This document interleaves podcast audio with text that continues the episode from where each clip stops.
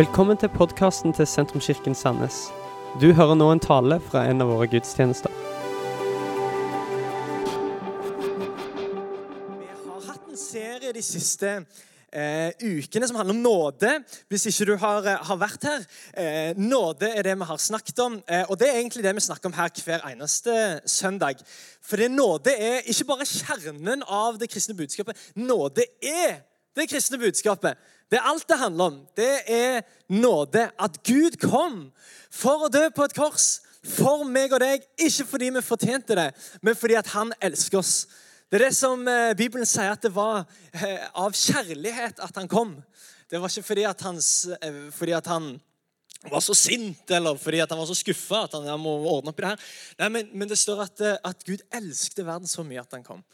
Eh, og ga sitt liv villig for oss. Det var nåde. Eh, og det er det som er kirka sitt eh, budskap.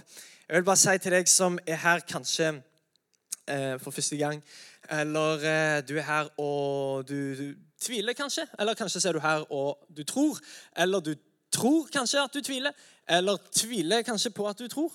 Uansett så er du eh, veldig velkommen, for kirka er en plass der vi kan komme med tro og tvil. Og Kirka er en plass der vi kan utforske. Kirka er ikke en plass der alle, kommer, alle de perfekte kommer sammen. liksom. Men kirka er en plass der vi kan komme sammen uansett hvor vi er hen, uh, uansett hvor vi har vært, hva vi har gjort med livet, eller hva livet må ha gjort med oss. uh, så kan vi få lov til å komme til Guds hus, og jeg tror at vi kan få lov til å komme og uh, få svar på de tingene som vi lurer på. Det synes jeg er fantastisk med kirka. At noen ganger kommer jeg inn her med tvil, eller kommer inn med en dårlig dag, eller kommer inn eh, og, og, trenger at noen andre sin tro bærer meg. Og Det er det som er så nice med, med kirka, at der kommer de troende sammen. og Noen ganger så er det eh, jeg som bærer noen andre, og noen ganger så er det noen andre som bærer meg. Eh, og Derfor så er kirka så verdifullt. Mac-en min den har slått seg av og på igjen her, eh, så det tar litt tid. Det er derfor jeg bare finner på ting. Eh, men det var bra, det jeg sa. Ja. Konge. Vi har en serie som begynner òg nå, som lader opp mot denne høsttakkefesten 27. oktober. Takk, tro og håp er eh, overskriften. Eh, og som et slags sånn bakteppe fram eh, mot den søndagen 27. oktober, så skal vi altså snakke om takknemlighet, vi skal snakke om tro og vi skal snakke om håp. Og I dag så har jeg lyst til å bare jeg har lyst til å eh, utfordre deg bitte lite grann. Jeg har lyst til å eh, snakke om noen ting som, eh, som har iallfall utfordra meg i forhold til det å bare dukke ned i dette. Eh, og jeg tror og jeg håper egentlig òg at det kommer til å utfordre deg litt. For jeg vet ikke helt eh, hvorfor du tenker at du tror. Jeg vet ikke hvorfor du tenker at du er en kristen. Hvis du er her og du sier at ja, jeg er kristen. Så, så jeg vet ikke hva du legger i det, liksom, hva, hva er det som gjør at du kaller deg en kristen. Men, men, det å være kristen hvis jeg bare kan få si det da, det å være kristen, det er ikke, det er ikke bare tradisjon. Altså, I Norge så har vi lang tradisjon for å være kristne. liksom. Men, men kristenhet er mye større enn bare tradisjon. Det er mye mer enn bare kultur. Men, men, det å faktisk ha en tro, det, er, det, handler om at vi faktisk tror på en levende Gud. Som faktisk lever, og som faktisk gjør ting. Jeg vet ikke hva slags Gud du sier at du tror på når du sier at du er en kristen. Men sånn som jeg leser Bibelen min, så er det en, det er en oppstanden Gud. Det er, en, det er, en, Gud som ikke døde på korset og liksom lå i graven. Han ligger ikke i graven ennå. Liksom. Han, han lever i dag. Og han lever iblant oss. Han lever òg i oss. Eh, og Det er fantastisk at Jesus vant over døden. Det var derfor han kom. Han kom for å vinne over døden, for å, for å gjøre knekken på, på, på, all synd, gjøre knekken på all ondskap. Og så kom han for å vise oss dette nye livet, hva dette nye livet er for noe. Og Når vi leser Guds ord, så er det det Guds ord handler om. Det handler om hvordan Gud tråkker inn i historien vinner over døden. Og så viser han oss dette radikale, nye livet som følger de som sier at de tror. Vi Gud, vi sier kanskje at Guds rike har kommet nær. sier vi. Guds rike har kommet nær. Det å ta imot Jesus det er, egentlig, det er egentlig å bli med på en tidsreise. Tidsreise er for real, folkens. Tids, det er ikke det at vi drar inn i framtiden, men framtiden har kommet til oss. Når vi tar imot Jesus, da har, da har framtiden plutselig blitt en del av nåtiden. faktisk. Det er det det, det det, vil si å ta imot Jesus, fordi at himmelen, det som vi venter på, plutselig så er det her. Det som vi venter på, det som er en del av vår framtid, plutselig så har det blitt en del av vår nåtid. Å ta imot Jesus er egentlig å ta imot en del av framtiden. Faktisk så er Guds rike her nå, men det er her ikke fullt ut. Det er her på ekte, men det er her ikke fullt ut. Så det å, bli, det å ta imot Jesus, det er faktisk å ta imot en del av framtiden. Det er en slags tidsreise. Du skjønner, kristen eh, konvertering, eller det å bli en kristen, det er ikke sånn moralsk reformasjon. Det er ikke sånn Nå har jeg blitt kristen, så se hvor fantastisk flink eh, jeg har blitt. Eller hvor høy moralsk standard jeg har fått. Eller hvor sykt kristen jeg ser ut. Nei, det handler ikke om, handler ikke om å, å, modifisere oppførselen din. Sånn, Ta imot Jesus sånn at du kan bli litt modifisert, sånn at du blir litt flinkere eller blir litt bedre eller oppfører deg litt mer. Det handler ikke om å modifisere noe eller, eller reformere en moral, men det handler om å transformere hjertet ditt. Det er det det handler om. Det, det å ta imot Jesus det er ikke sånn at du, du, blir be, du, blir en litt bedre person. Du blir en helt ny person, sier faktisk Bibelen. Det står faktisk at Vi blir en ny skapning når vi tar imot Jesus. Det er sånn at Jesus, bare Jesus er bare inspirasjon. Og det er sånn, nei, så tror på Jesus, for han er så inspirerende. Nei, nei, Han kommer ikke for å liksom, inspirere deg litt. Han kommer ikke for å liksom, pusse opp litt. Å, jeg har så mye, det, er så, det er så mye som forfaller her, så det var bra å ta imot Jesus. Han kan pusse opp litt i livet mitt. liksom. Jesus han kommer ikke for å pusse opp, han kommer for å rive ned hele huset og bygge opp et slott istedenfor. Og hvorfor det? Jo, fordi at det skal være et byggverk som er verdig en konge. Henger du med, eller? Det er det det vil si å tro på Jesus. At han får lov til ikke bare liksom bli noe som tar med deg i sekken, men at han kan få lov til å transformere deg. Gi deg et helt nytt liv, en helt ny identitet. Gjør et helt nytt byggverk ut av livet ditt, sånn at du kan huse universets president. Sånn at du kan huse Gud sjøl i livet ditt. Ta imot framtiden og la det bli en del av nåtiden. Det er det det vil si å tro på Jesus. Han kom ikke for å gjøre deg en litt bedre person, men å gjøre deg, en, gjøre deg til en helt ny person. Han kom for å vise deg et helt annet liv. En, en helt annen måte å leve på. Jesus han er, han er radikal, altså. Hvis du leser Guds ord. Fordi at han setter en helt ny standard for de som tror. Hvorfor det? Jo, fordi du har fått et helt nytt liv, og det forandrer måten du tenker på. Det forandrer måten du lever på. Det forandrer måten du viser nåde. Det forandrer måten du viser tilgivelse. Det forandrer måten du er, viser kjærlighet mot folk. Og vet du hva? Det forandrer til og med måten du er sjenerøs på. Måten du forstår sjenerøsitet. Måten du forstår det du eier, og det du har.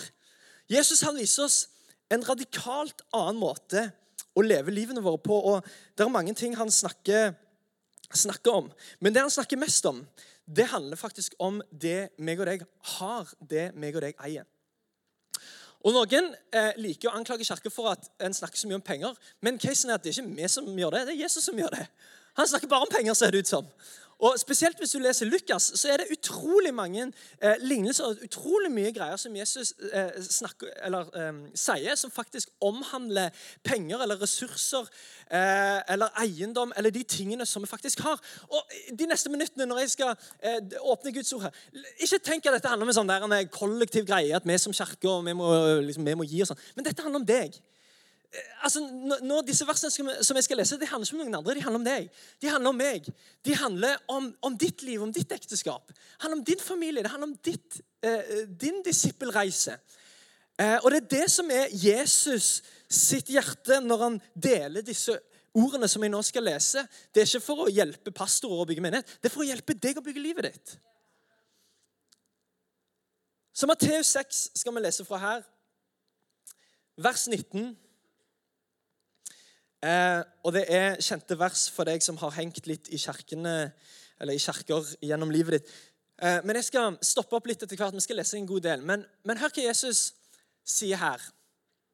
Dette er en radikal annen måte å se og forstå livet på. Han sier dere skal ikke samle skatter på jorden, hvor møll og mark ødelegger, hvor tyver bryter inn og stjeler.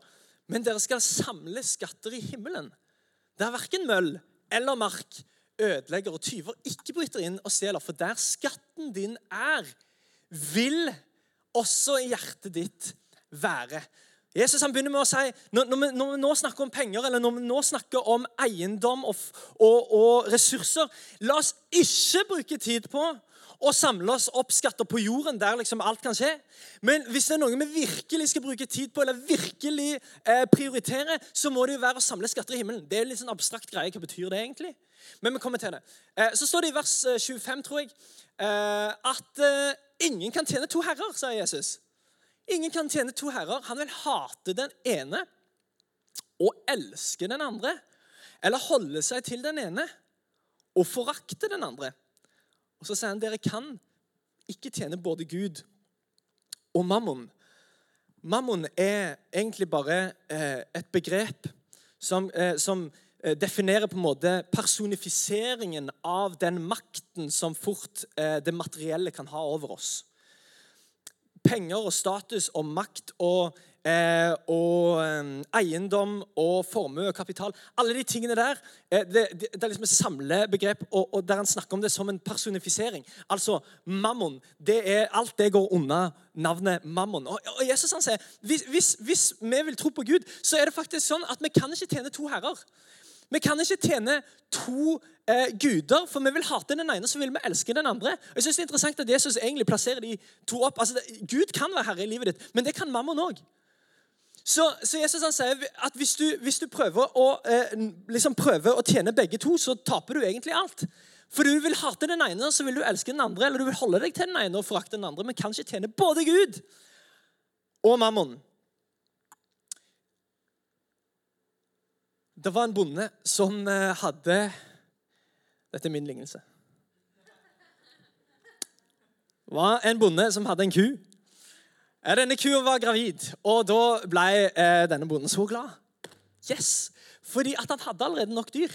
Så det var ikke sånn at han trengte eh, en til kalv, men eh, han ble jo kjempeglad da, for da tenkte han yes, da når denne kalven blir litt eldre, så kan jeg selge den, og så eh, får jeg ekstra cash i kassen, liksom. Det var en velsignelse. Fantastisk. Jeg skal få en ekstra kalv som jeg egentlig ikke trenger. Jeg kan selge den eh, og leve litt mer velsigna. Men så blir eh, lykken dobbelt så stor, skjønner du.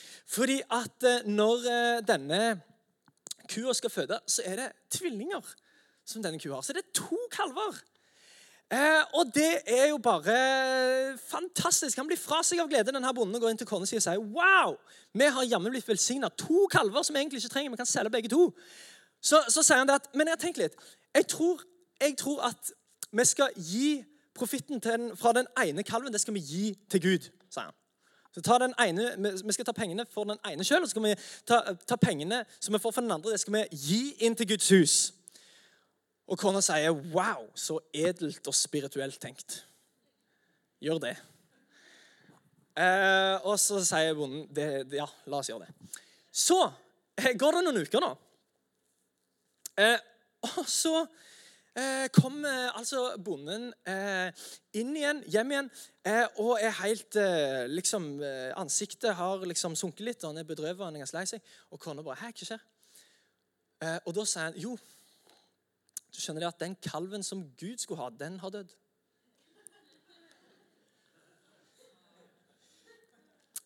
Og, og kona sier Jeg kan ikke huske at vi liksom eh, sa spesifikt hvilken kalv eh, det gjaldt. Og han var jo, jo, jeg hadde tenkt, det hadde jeg tenkt i hodet mitt. Hvilken kalv det var. Poenget med, poenget med denne historien er jo selvsagt at, eh, at det er jo alltid Guds kalv som dør.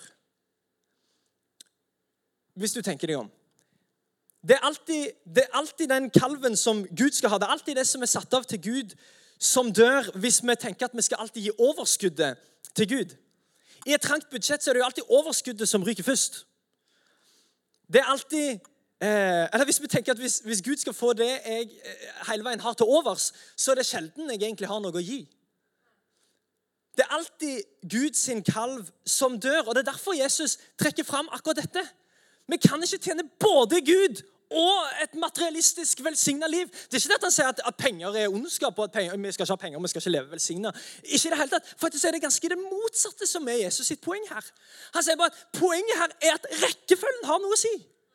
Måten du legger opp livet ditt, har noe å si. Og vi kommer til det, fordi at Jesus han, han sitter ikke her, og jeg skal lese det som kommer rett etterpå. For han sier nemlig 'derfor'. Altså, Jeg elsker ordet 'derfor', fordi at det knytter jo sammen poenget hans. som han akkurat har hatt. Vi kan ikke tjene både Gud og penger. Men hvis du, hvis du tjener Gud, så kan du tenke på en annen måte. Han sier Derfor sier jeg dere, vær ikke bekymret for livet. Hva dere skal spise eller hva dere skal drikke, heller ikke for kroppen, hva dere skal kle dere med. Er ikke livet mer enn maten og kroppen mer enn klærne? Se på fuglene under himmelen. De sår ikke, de høster ikke og samler ikke hus. Men den far dere har i himmelen, gir dem føde likevel. Er ikke dere mer verdt enn de? Hvem av dere kan vel med all sin bekymring legge en eneste alen til sin livslengde? Og hvorfor er dere bekymret for klærne? Se på liljene på marken, hvordan de vokser. De strever ikke og spinner ikke, men jeg sier dere selv ikke Salomo i all sin prakt var kledd som en av dem. Når Gud kler gresset på marken så fint, det som gror i dag og kastes i ovnen i morgen, hvor mye mer skal han ikke da kle dere, dere lite troende? Så gjør dere ingen bekymringer. Og si ikke 'hva skal vi spise', eller 'hva skal vi drikke', eller 'hva skal vi kle oss med'? Alt dette er hedningen opptatt av. Men den far dere har i himmelen, vet jo at dere trenger alt dette. Søk først Guds rike og hans rettferdighet, så skal dere få alt det andre i tillegg. Så Jesus sier du kan ikke tjene både Gud og mammon. Men hvis du søker først Guds rike, så får du alt det andre i tillegg.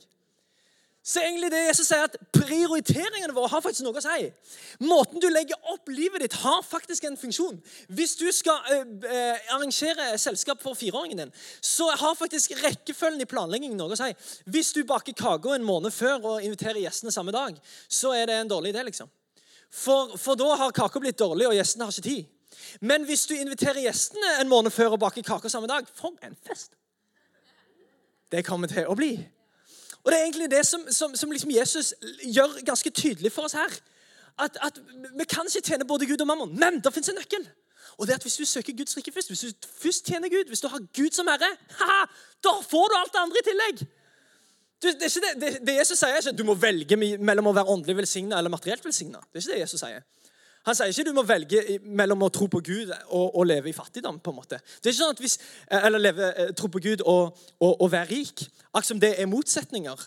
At det handler om hvis jeg, hvis jeg, tror på Gud, så må jeg for alltid leve i fattigdom og ha det grusomt. Nei, faktisk er det motsatte Jesus sier. Altså, Hvis du tror på Gud, så kan du slappe av. Men at det er, det, det er ingenting å bekymre seg over. Du kommer til å ha alt det andre i tillegg. Vet du hva, det er så, når jeg, Som ungdomsleder, når, folk, eh, når ungdommer er sånn stressa Hva skal jeg bli, og hva skal jeg gjøre, og hva, liksom, hva skal jeg gjøre med livet mitt? Skal jeg gjøre dette på videregående? Og alt det der greiene, så sier jeg bare, vet du hva, Det er ikke at skole er ikke viktig. Skole er superviktig. Men hvis du, hvis du har Jesus som nummer én Hvis du søker først Guds rike og hans rettferd Alt andre kommer jo i tillegg. Det der kommer til å løse seg. Men hvis du først søker Gud, så kommer du til å få alt det andre i tillegg. Men Søker vi derimot alt det andre først, så går vi jo glipp av Gud.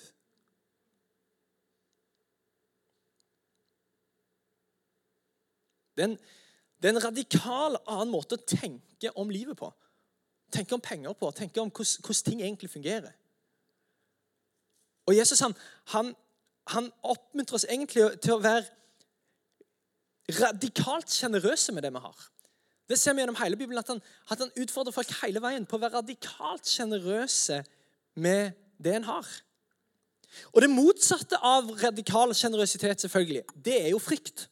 Og, og, og, det er det som er Jesus sitt poeng i, i, i disse, disse, versene her. Frykt er det som holder oss tilbake fra å gi alt til Gud. Frykt for at om jeg plasserer Gud på førsteplass, så kommer jeg på andreplass. Eller frykt for om jeg selger denne kalven og gir alt til Gud, så blir jeg straffa for det, eller jeg får jo ingenting. Frykten for at om jeg gir Gud det første og det beste, ja, da får jo jeg det siste og det verste, da. Men det er ikke det som er Jesus sitt budskap når han sier 'tro på Gud'. Ha, sett Gud først. La det første få lov til å, bli, til å være først. Og så kommer alt det andre i tillegg. Og du vil leve et velsigna liv. Og du vil òg leve et bekymringsløst liv. Faktisk. Når han snakker om disse tingene Hvis vi tar en tilbake, så, så snakker han jo om at er ikke, er, ikke, er ikke livet mer enn maten og kroppen mer enn klærne, står det f.eks. Og Du kan eh, spole videre til, til disse slidesene her eh, om, eh, om, hva bekymring er. Ifølge Jesus så er bekymring eh, ulogisk. For det første så er bekymring helt ulogisk. For Han spør jo er ikke livet mer enn maten. Er det ikke mer eh, til livet enn hva du spiser? Er ikke kroppen mer verdifull enn det du har på deg? Det er helt ulogisk å bekymre seg. For det er ting som er viktigere. Så sier Jesus egentlig at det er helt unaturlig òg. Det er helt unaturlig å bekymre seg. Hvorfor det? Jo, skaperverket bekymrer seg ikke. Det er ingenting i skap. Altså, han sier liljene på marken og fuglene altså, de, bare, de bare lever, de. De vet at det, alt det der ordner seg. på en måte. De går ikke rundt og bekymrer. Det er ingen gris som liksom lurer på å, jeg vet ikke om jeg orker å gå på jobb. Altså, Det er ingen, det er ingen, eh, liksom, det er ingen dyr som liksom Søren, altså, det, det, er så stress i familien for tida. Altså, det er ingen dyr som stresser seg. Det er, ingen, det er, ingen, det er ingenting i skaperverket som er, så, som er bekymra. Så mennesker er de eneste som bekymrer seg, hvilket betyr at det egentlig er ganske unaturlig. Jeg sier ikke at det er uvanlig. Det er veldig vanlig å bekymre seg, men det er helt unaturlig. For det er ikke en del av skapelsesordningen at mennesker skal være bekymringsfulle vesener. Så det første Jesus han sier, det, er helt ulogisk å bekymre seg. Hvis du, hvis, du har, hvis du, har, Gud som herre i livet ditt, så er det helt ulogisk å bekymre seg. Så er det helt unaturlig å bekymre seg. Men det tredje sier, egentlig at det er helt, det er helt unyttig. Jo, det har jo ingenting å si. Det hjelper jo ingen å bekymre seg. Hvis du tror at Gud er herre over livet ditt, da har du ingenting å si om du bekymrer deg. Bekymringer fjerner jo ikke problemene du har i morgen, men den fjerner den freden du har i dag. Så Jesus han, han sier det er, det er totalt unyttig. Slutt med det. Det er unyttig. Og hele poenget hans er jo til slutt at eh, å bekymre seg er totalt unødvendig. For Gud han har sagt at han vil ta hånd om sin flokk. Nei, hvis vi først søker Gud, så vil vi få alt det andre i tillegg. Jeg er veldig, jeg er veldig opptatt av dette med, med rekkefølge. For det er det, som, det, er det, som, det er det, som, er forskjellen på Jesus og alle andre religioner. Der, eh, det er en historie om når C.S. Lewis besøker eh, en eller annen form for tilstelning der eh, masse smarte folk sitter og snakker om hva er egentlig forskjellen på alle verdens religioner. Og Det er en lang samtale, og folk er ikke helt enige. Og sånn. Og C.S. Lewis kommer inn i rommet og sier Hei, hva dere diskuterer? Det er jo nåde. Sier, det er jo det er ikke noe å snakke om, det er jo nåde. Det er jo ingen religioner som har nåde. Og hele altså, Dette er en liten parentes, men det har et poeng eh, likevel i talen min her. Rekkefølgen har faktisk ganske mye å si. Fordi at Det som er greia med religion, det er at religion hopper over nåde. Og så, så vektlever en å leve hellig. Religion hopper over nåde, og så vektlever en å leve hellig. Så religion sier nåde fins ikke. Men det som betyr noe, er at du lever rett. Det at du, at du er liksom snill og grei, og at du gjør alle de rette tingene. At du, at du eh, behager Gud med det du gjør. Eh, og hvis eh, du har vært snill nok, flink nok, bra nok, så blir du akseptert. Det er det som er kjernen til all religion. Eh, hvis du er bra nok her på, i dette livet, så får du et bedre liv i det neste livet. Så du blir belønna for, for, det du gjør. Det er det som er hellighet. Han hopper over nåden, og så, og så sier han hellig, eh, hellighet det er det som er viktig. Antireligion det er det ganske mye av i Vesten. Det er litt annerledes, for Det hopper over hellighet og sier nei, men det fins jo ingen guddommelig standard for hva som er bra og dårlig. Så hellighet har jo ingenting å si. Det har ikke noe å si om vi lever bra eller, eller dårlig eller rett eller, eller feil. Hellighet er ingenting. Det som er viktig, er at vi får lov til å leve i frihet, sier antireligion. Det er det viktigste. At vi alle sammen kjenner på en frihet. Ingen har, det er ingen bånd på meg. Ingen kan få lov til å si hva jeg skal gjøre, og hva som er rett for meg. For det som er rett for meg, er rett for meg, og det som er rett for deg, er rett for deg. Det er antireligion. Jesus han hopper ikke, han hopper ikke bukk over verken nåde eller hellighet. Han sier og ikke frihet heller. Fordi at Når du tar imot Jesus faktisk sier Bibelen at den som, som Sønnen har satt fri, er virkelig fri. Så med andre ord, du blir fri men du blir det gjennom nåde. Og det leder deg til et hellig liv. Det er hele forskjellen. Og det, det, det, er nettopp rekkefølgen som har noe å si. Jeg lever ikke hellig for å bli akseptert av Gud, men Gud har akseptert meg sånn som jeg er. Med mine feil, med mine mangler. Og derfor har jeg lyst til å leve hellig. Derfor har jeg lyst til å leve radikalt annerledes. Gud har gitt sitt liv for meg. Ikke fordi jeg var perfekt, ikke fordi jeg var snill, ikke fordi jeg var religiøs, ikke fordi at jeg var så himla kristen, men fordi at han elsker meg. Derfor ga han sitt liv. Og vet du hva min respons er? Jeg vil leve hellig. Jeg vil leve nær Gud. Jeg vil leve annerledes med det jeg har. Jeg vil leve annerledes med mine ord. Jeg vil leve annerledes i møte med andre mennesker. Jeg vil vise nåde til alle. Jeg vil kaste nåde som konfetti rundt forbi. Fordi at jeg har ingenting å tape for en evig kilde av nåde fra Gud. Fordi at jeg har blitt rik i Gud, så kan jeg gi av det jeg har. Det er en totalt annen måte å se livet på. Det er kjemperadikalt. Og det gjør litt vondt egentlig òg. Men Jesus han gjør det ganske tydelig. Vi kan ikke tjene både Gud og mammon. Historien om Sakkeus er en fantastisk historie. Sakkeus var en liten mann. Det står om han i, i, i, Lukas 19 hvis du vil lese historien. Men Sakkeus var det står at han var overtoller. Det står at han var svært rik. Så han var på mange måter velsigna materielt. Han var svært rik, han hadde mye. Så var han overtoller, eh, sjef for tollere. Så han hadde mye innflytelse, han hadde mye makt. Han hadde egentlig ganske mye. Han var òg uærlig, og, og, det var liksom eh, litt sånn synonymt med det å være en toller. Var, da var du egentlig uærlig. Du, du krevde litt for av, av eh, litt for mye skatt av medborgerne. Så tok du overskuddet i lommen og så ga du til staten det som staten skulle ha.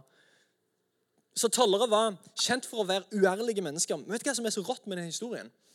Det er at Han klatrer opp i et tre for å liksom få, få, få, øye på Jesus, for det er så mye folk rundt ham, det er så mye føss rundt Jesus. Så han klatrer opp i et tre, så står det at Jesus ser han. Jesus ser han. Og så sier han, 'Hei, kan jeg få lov til å bli med deg hjem?' Tenk over hvor radikalt dette er for alle de som var religiøse ledere og, og lærere, som var eh, høye i hatten, og som hadde alt, og som på en måte var, eh, var i hermetegn kristne, som var liksom så religiøse, hadde alt på stell. Og så står Jesus der han kan, han står der med, med hundrevis av mennesker rundt seg, sikkert. Og så peker han ut den største dritten av alle og sier, 'Kan jeg få lov til å spise middag hos deg?' Og han blir jo helt sånn Ja, selvsagt. Og så står det så fantastisk at når han har vært hos Sakkeus, så sier Sakkeus vet du hva halvparten av det jeg eier, vil jeg gi. Vet du hva halvparten av alt jeg har Dette var en rik mann, står det. Men han sier halvparten av alt jeg har, det skal jeg gi til de fattige. Og så sier han til og med og har jeg presset penger av noen, så vil jeg gi fire ganger så mye tilbake. Hva, Det er det som er så fantastisk med nåden, og som er så fantastisk med dette radikale livet sammen med Jesus. For det er ikke det at Jesus krever det av oss, men det er responsen når vi møter ham. Og Det var det som var responsen. Det er så rått at Jesus inviterer seg selv. Himmelen inviterer seg selv inn i livet til Sakkeus. Til en uærlig mann. Til en syndig mann. Til en toller. Og vet du hva, Det er sånn det begynner. At Jesus inviterer seg selv inn til oss. Det er ikke det at Sakkeus har vært så snill, eller at Sakkeus har vært så flink eller så religiøs at Jesus inviterer seg hjem til ham. Nei, det er bare det at Sakkeus er Sakkeus, og at Jesus er Jesus. Og at han har uendelig kjærlighet, uendelig nåde, uendelig medfølelse for alle mennesker. Derfor inviterer han seg sjøl hjem. Og Det er det Jesus også har gjort i våre liv. Han, du, har, du, kan ikke skryte av din frelse, sier Paulus. Det er ingen av oss kan gjøre det. Du kan ikke skryte av det, sier på meg jeg er frelst. Det gir jo ingen mening. For det er ikke du som har invitert deg sjøl. Det, det, er Gud som har invitert seg sjøl inn i livet ditt. Det er Gud som har invitert seg inn i hjertet ditt. Og så Køs åpner opp, og responsen blir halvparten. Han sier ikke ja, OK, da. Ok, da, her er tienden. Han sier halvparten av det jeg har, vil jeg gi. Har jeg presset penger av noen, vil jeg gi fire ganger så mye tilbake. Han går fra å være han går fra å være rik med penger, rik i, i det materielle, til å være rik i Gud. Og, og, og, når du blir rik i Gud, vet du hva som skjer da? Penger blir bare til penger. Penger er ikke mammon lenger. Du har ikke makt over deg lenger. Men du har makten over det du har. Du blir, Den som sønnen har satt fri, er virkelig fri. Og en blir fri til å leve til ære for Gud. Og da blir det en har, plutselig blir bare noe som et verktøy eller noe som en forvalter. Og en blir bare til en kanal for Guds velsignelser. Og jeg elsker etter, etter Sakkeus har sagt dette, jeg vil gi og jeg vil gi tilbake til det jeg har presset penger av, så sier faktisk Jesus i dag har frelse kommet til dette huset. Og det er ikke fordi at det er ikke sånn at Jesus sier til Sakkeus ja, nå når jeg ser at du gir, så, så her er frelsen. Men egentlig det Jesus sier, basert på hvordan du behandler og forvalter det du eier og har Basert på hvordan jeg ser du behandler pengene dine, så kan jeg si du er frelst. Det er egentlig det Jesus sier. Sannelig. Frelsa kommet til dette huset. Basert på hvordan du behandler det du eier, så kan jeg si du har skjønt det. Du, du, er, ikke lenger, du er ikke lenger slave under mammon. Du tjener ikke lenger mannen, men du tjener Gud, for pengene dine er bare penger. Og det du har, ser du på som noe du kan forvalte til velsignelse. Vi skal øyeblikk eh, synge sammen her, men det siste bildet som jeg vil si deg, er dette. Eh, for at et vann skal være rent, for at et vann skal eh, Du kan kunne drikke av et vann, så trenger det å være i bevegelse. Ingen, ingen drikker vannet i stokket, liksom. Og ingen stokket engang, fordi at vannet står i ro. Det, det, altså, det er kommet masse vann inn, men det går ikke så mye vann ut. Sånn at det, det som ligger der, det bare ligger og sirkler og, og bare blir ekkelt over tid. Så for at et vann skal være friskt og et vann skal være sunt, så er det viktig at det er i bevegelse. Du vet, Hvis du går opp på et fjell og, du, og, og det er en bekk, så kan du trygt drikke av det fordi at det er i bevegelse. Det filtreres, og det er i bevegelse. Så du kan trygt drikke av det vannet. Men du kan ikke drikke av en sølepytt, du kan heller ikke drikke av stokki. fordi at det, det har kommet masse vann inn, men det går ikke vann ut. Og det er egentlig det, det, er egentlig det som Jesus oppmuntrer oss til i Guds ord. Til å sørge for at vi har like store strømmer ut som vi har strømmer inn. Det å sørge for at, at ja, jeg er velsigna.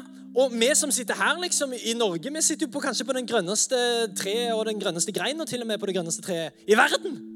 Og vi har ganske store strømmer inn. Men det Jesus sier, hvis du, hvis du vil være et friskt menneske, hvis du vil være et sunt menneske, sørg for at du har like store strømmer ut som du har inn. Og hvis du har like store strømmer ut som du har inn, så, så jo mer du åpner opp strømmen ut, jo mer er det jo plass til å komme inn. Altså jeg mener, Hvis jeg hadde vært Gud, og jeg er ikke Gud, og han tenker sikkert annerledes enn meg Men jeg tenker, hvis, hvis, det er Guds misjon å velsigne menneskeheten, ja, da bruker han jo de som vil være en velsignelse. Hello! Hvis det er Guds misjon å vise nåde til mennesker, da vil han jo bruke de som er klar til å si Gud, bruk meg. Jeg vil være en velsignelse. Meg og, meg og Karo hadde nettopp eh, Hundreuka eh, var jo i Sandnes, og vi tenkte Vi har jo aldri penger, for så vidt, men vi, vi, skulle, eh, vi hang med noen, og så tenkte vi ah, vi spanderer. Vi bestemte oss for det. Vi spanderer. Det er jo bare 200 kroner, det er ikke så mye, men for oss var det det. For oss var det litt penger, så vi tenkte ok, men vi gjør det. Det er gøy. Eh, og sant, Det ble jo 400, sant, for vi òg skulle spise. Sant? Vi kunne ikke sitte og se på at de andre spiste. liksom, Det hadde vært flaut. Så vi liksom, ok, vi gjør det. Eh, og, så, og Ja, det var gøy, liksom. Og så dette, Helt seriøst, samme uka så kjører vi forbi en person i eh, Eller ikke vi kjører forbi, en, en person i kirka kjører forbi meg og Karo. En, eh, en, som Jeg vet ikke om han sitter her, men det er ikke poenget. Eh, den personen kjører forbi oss, og så, og så, så ruller han ned vinduet så sier han hei, hei. Og vi sier hei, hei. Og så eh, snakker han litt sånn om ingenting. Og så begynner han liksom å gire igjen skal kjøre videre. Og så bare stopper han opp. Oi, her ligger det en 200-lapp, sier han. Den ligger en 200-lapp her i setet. Jeg trenger ikke den. Vil dere ha den? Og, vi liksom bare Seriøst? Ja, tusen takk. Og vi tok imot den der 200-lappen. Så det vi gjorde, det var at vi gikk på 100 uker en gang til. Og spanderte på noen andre! Altså, skjønner, det, det, er så rått, fordi at Hvis at vi har en stor strøm ut, så tror jeg at Gud òg vil velsigne oss med store strømmer inn. Fordi at jeg viser til Gud hei, jeg er her ikke for å gi meg sjøl et navn. Ikke for å bygge opp en låve der jeg kan ta vare på min navling. Men jeg er her fordi at jeg har lyst til å være en velsignelse. Jeg er her fordi at jeg har lyst til å være en forlengelse av din kjærlighet, av din nåde, av dine armer. Og vet du hva, Da tror jeg Gud han også åpner opp himmelens sluser, som Bibelen sier så fint. Når vi tar Guds ord på ordet, og når vi tror Han for de tingene som vi har snakket om, det er radikalt. Men wow, så velsigna vi vil bli når vi velger å ha Gud som herre, og ikke det materielle som sjefen, og som det vi filtrerer alle våre valg gjennom. Dette var slutten på denne talen. Håper du har blitt inspirert. Om du har lyst til å vite mer om hvem vi er, eller hva vi gjør, eller har lyst til å høre flere podkaster, så kan du besøke vår nettside sentrums.no.